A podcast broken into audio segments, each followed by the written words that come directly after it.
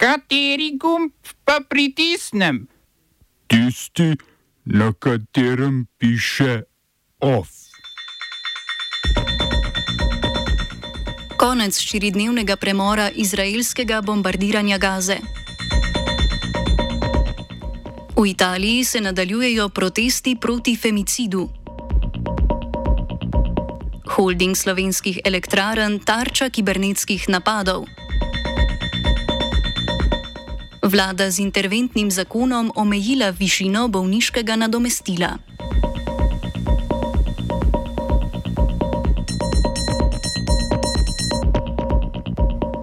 V okviru štiridnevnega premirja oziroma natančneje štiridnevnega premora izraelskega nasilja na območju okupirane Gaze, ki je začel veljati v petek zjutraj, so palestinski odporniki in izraelski okupatorji izmenjali nekaj talcev. Hamas je izpustil skupino 40 talcev, izraelske oblasti pa so iz svojih zaporov izpustile 117 palestinskih talcev, ki jih same pojmujejo kot zapornike. Med premorom je na severni del Gaze prispelo 62 tovornjakov s humanitarno pomočjo, predvsem z vodo in zdravili ter medicinsko opremo. Skupno je iz Egipta na območje Gaze odpeljalo 340 tovornjakov, a jih je samo 62 doseglo sever, sever okupiranega območja. Gre za največjo količino dobave humanitarne pomoči od absolutne blokade uvoza dobrin, ki so jo izraelske oblasti uvedle ob začetku svoje ofenzive nad Gazo. Štiridnevni premor sicer ne poteka brez izraelskega nasilja nad palestinci na območju Gaze. Prvi dan premirja so po navedbah palestinskega rdečega polmeseca izraelske sile ubile dve osebi, ki sta se želeli vrniti na sever enklave. Tretji dan premirja pa so v begunskem taborišču Al-Magazi ubile enega palestinca. Po poročanju palestinske tiskovne agencije Wafa so izraelski vojaki v dveh ločenih obstreljevanjih na severu enklave ranili več civilistov. Izraelske okupacijske sile so kljub premirju nadaljevale tudi racije na okupiranem Zahodnem bregu. V noči na nedeljo so po poročanju Al Jazeera ubile osem palestincev. V več kot 12-urni raciji, ki so jo izvedle v Dženinu, je okupatorska vojska ranila 18 in ubila 5 ljudi.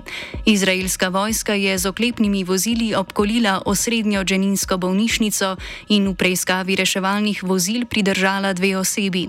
V pretekli noči je pridržala več kot 60 palestincev iz okupiranega Zahodnega brega. Izraelska vojska nasilje nadaljuje tudi v drugih državah. Zaradi zračnih napadov, ki so jih izvedle izraelske sile, je prenehalo delovati letališče v sirski predstolnici Damask. Letala, ki bi morala pristati na tem letališču, so preusmerili na letališči Laka, Latakija in Alep. Kot so sporočile sile Združenih narodov v Libanonu, znane kot UNIFIL, je izraelsko obstreljevanje na jugu Libanona zadelo eno od njihovih patrulj. V misiji, ki so jo Združeni narodi oblikovali leta 1978, da bi zagotovili umik izraelskih sil iz južnega Libanona, so napad, v katerem ni umrl nihče, obsodili kot globoko skrb vzbujajoč.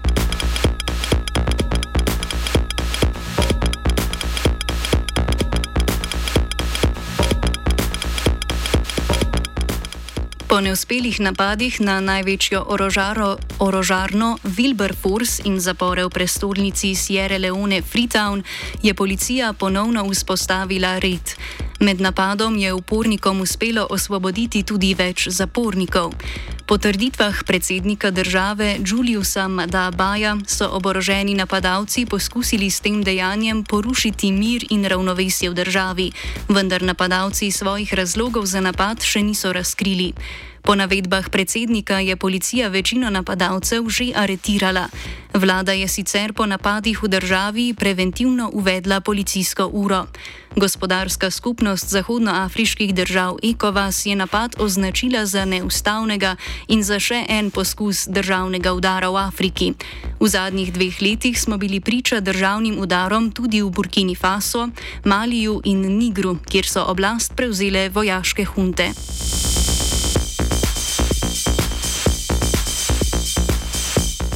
Novozelandska nacionalna stranka je podpisala koalicijsko pogodbo z desničarskima strankama ACT in naprej Nova Zelandija. Skupno ima sedaj koalicija 67 od 123 sedežev v parlamentu. Funkcijo premijeja je Christopher Luxon, nekdani dir direktor letalske družbe Air New Zealand, prevzel danes. Parlamentarne volitve so na Novi Zelandiji potekale 14. oktobra, a zaradi pogajanj o koalicijski pogodbi in razrezu ministrstev Luxon dober mesec dni ni uspel sestaviti koalicije. Cilj novo oblikovane vlade je v populistični maniri libertarske desnice znižanje davkov in zmanjšanje vladne birokracije.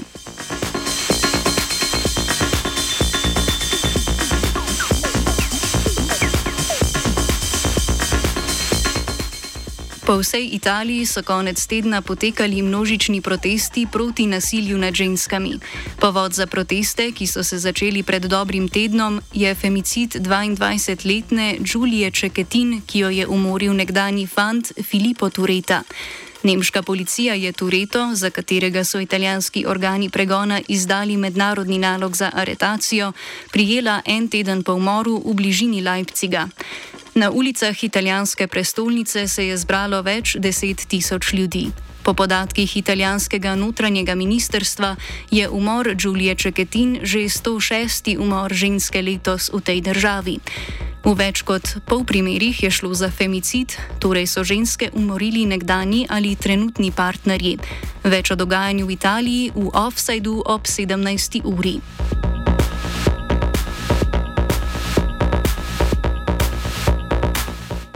Srpski predsednik Aleksandar Vučić came early this year.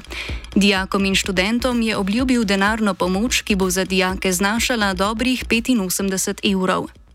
Ali mislim, da će ljudi biti obradovani. U narednih deset dana ćemo kao država prebaciti novac jedinicama lokalne samouprave koji će isplatiti 10.000 dinara svakom srednjoškolcu u našoj zemlji.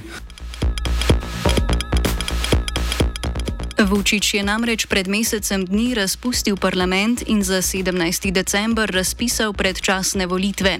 Naslednjih bo kandidirala tudi lista Srbija mora da nestane Aleksandar Vučić, a nadgrajevanje dijakov, nagrajevanje dijakov z denarjem nikakor ni podkupovanje in propaganda, kot pravijo zlobni jeziki iz redakcije pod študijem. Smo se osamosvojili, nismo se pa osvobodili. Naslednje število je še 500 projektov. Izpiljene modele, kako so se strani nekdanje LDS rotirali. Ko to dvoje zmešamo v pravilno zmes, dobimo zgodbo o uspehu.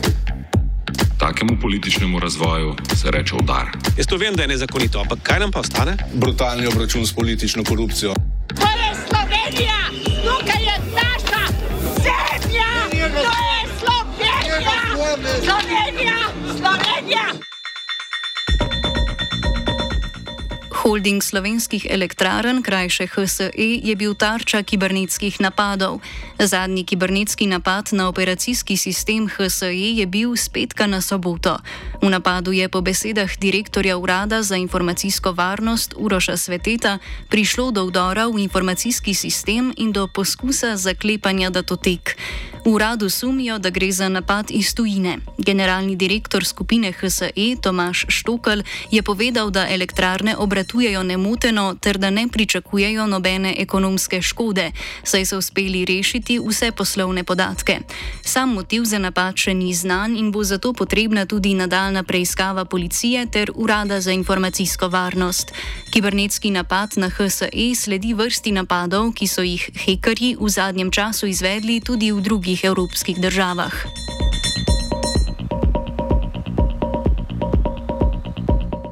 Iz Slovenske demokratske stranke so sporočili, da je Anžel Logar odstopil z funkcije predsednika sveta največje opozicijske stranke. Za radikalnejši korak oddaljevanja od stranke, kot je denimo izstop iz stranke, pa bo moral pojesti še nekaj kilogramov žgancev, sporočajo zlobni jeziki iz šestega nadstropja Radia Student. Za novega predsednika sveta so v SDS izvolili Zvonka Černača. Po besedah stranke se je Lugar za odstop odločil, ker se želi posvetiti delu v društvu Platforma sodelovanja, ki ga je ustanovil.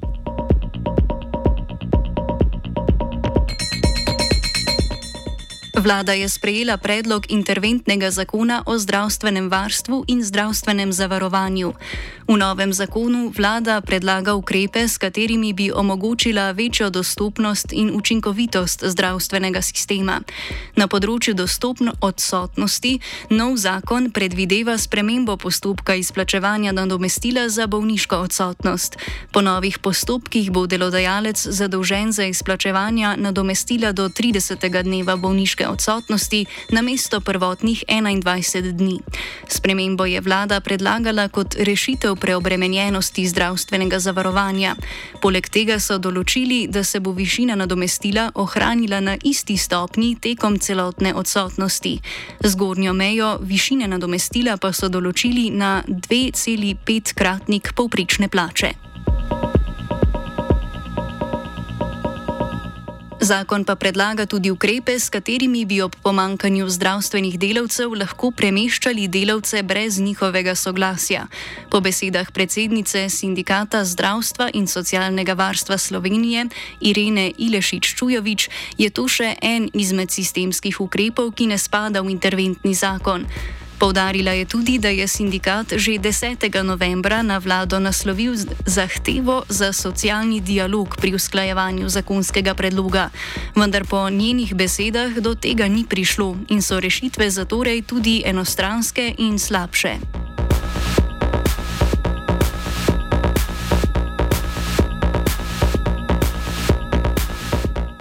Varuh človekovih pravic Petr Svetina je na ustavno sodišče ponovno vložil zahtevo za presojo spornih določb zakona o tujcih.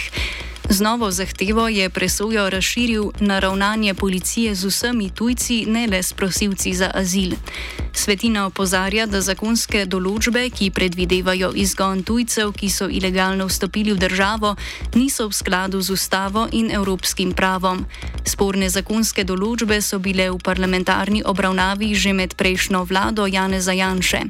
Takratna opozicija je ostro nasprotovala sprejetju spornih določb, saj naj bi bile te neustavne.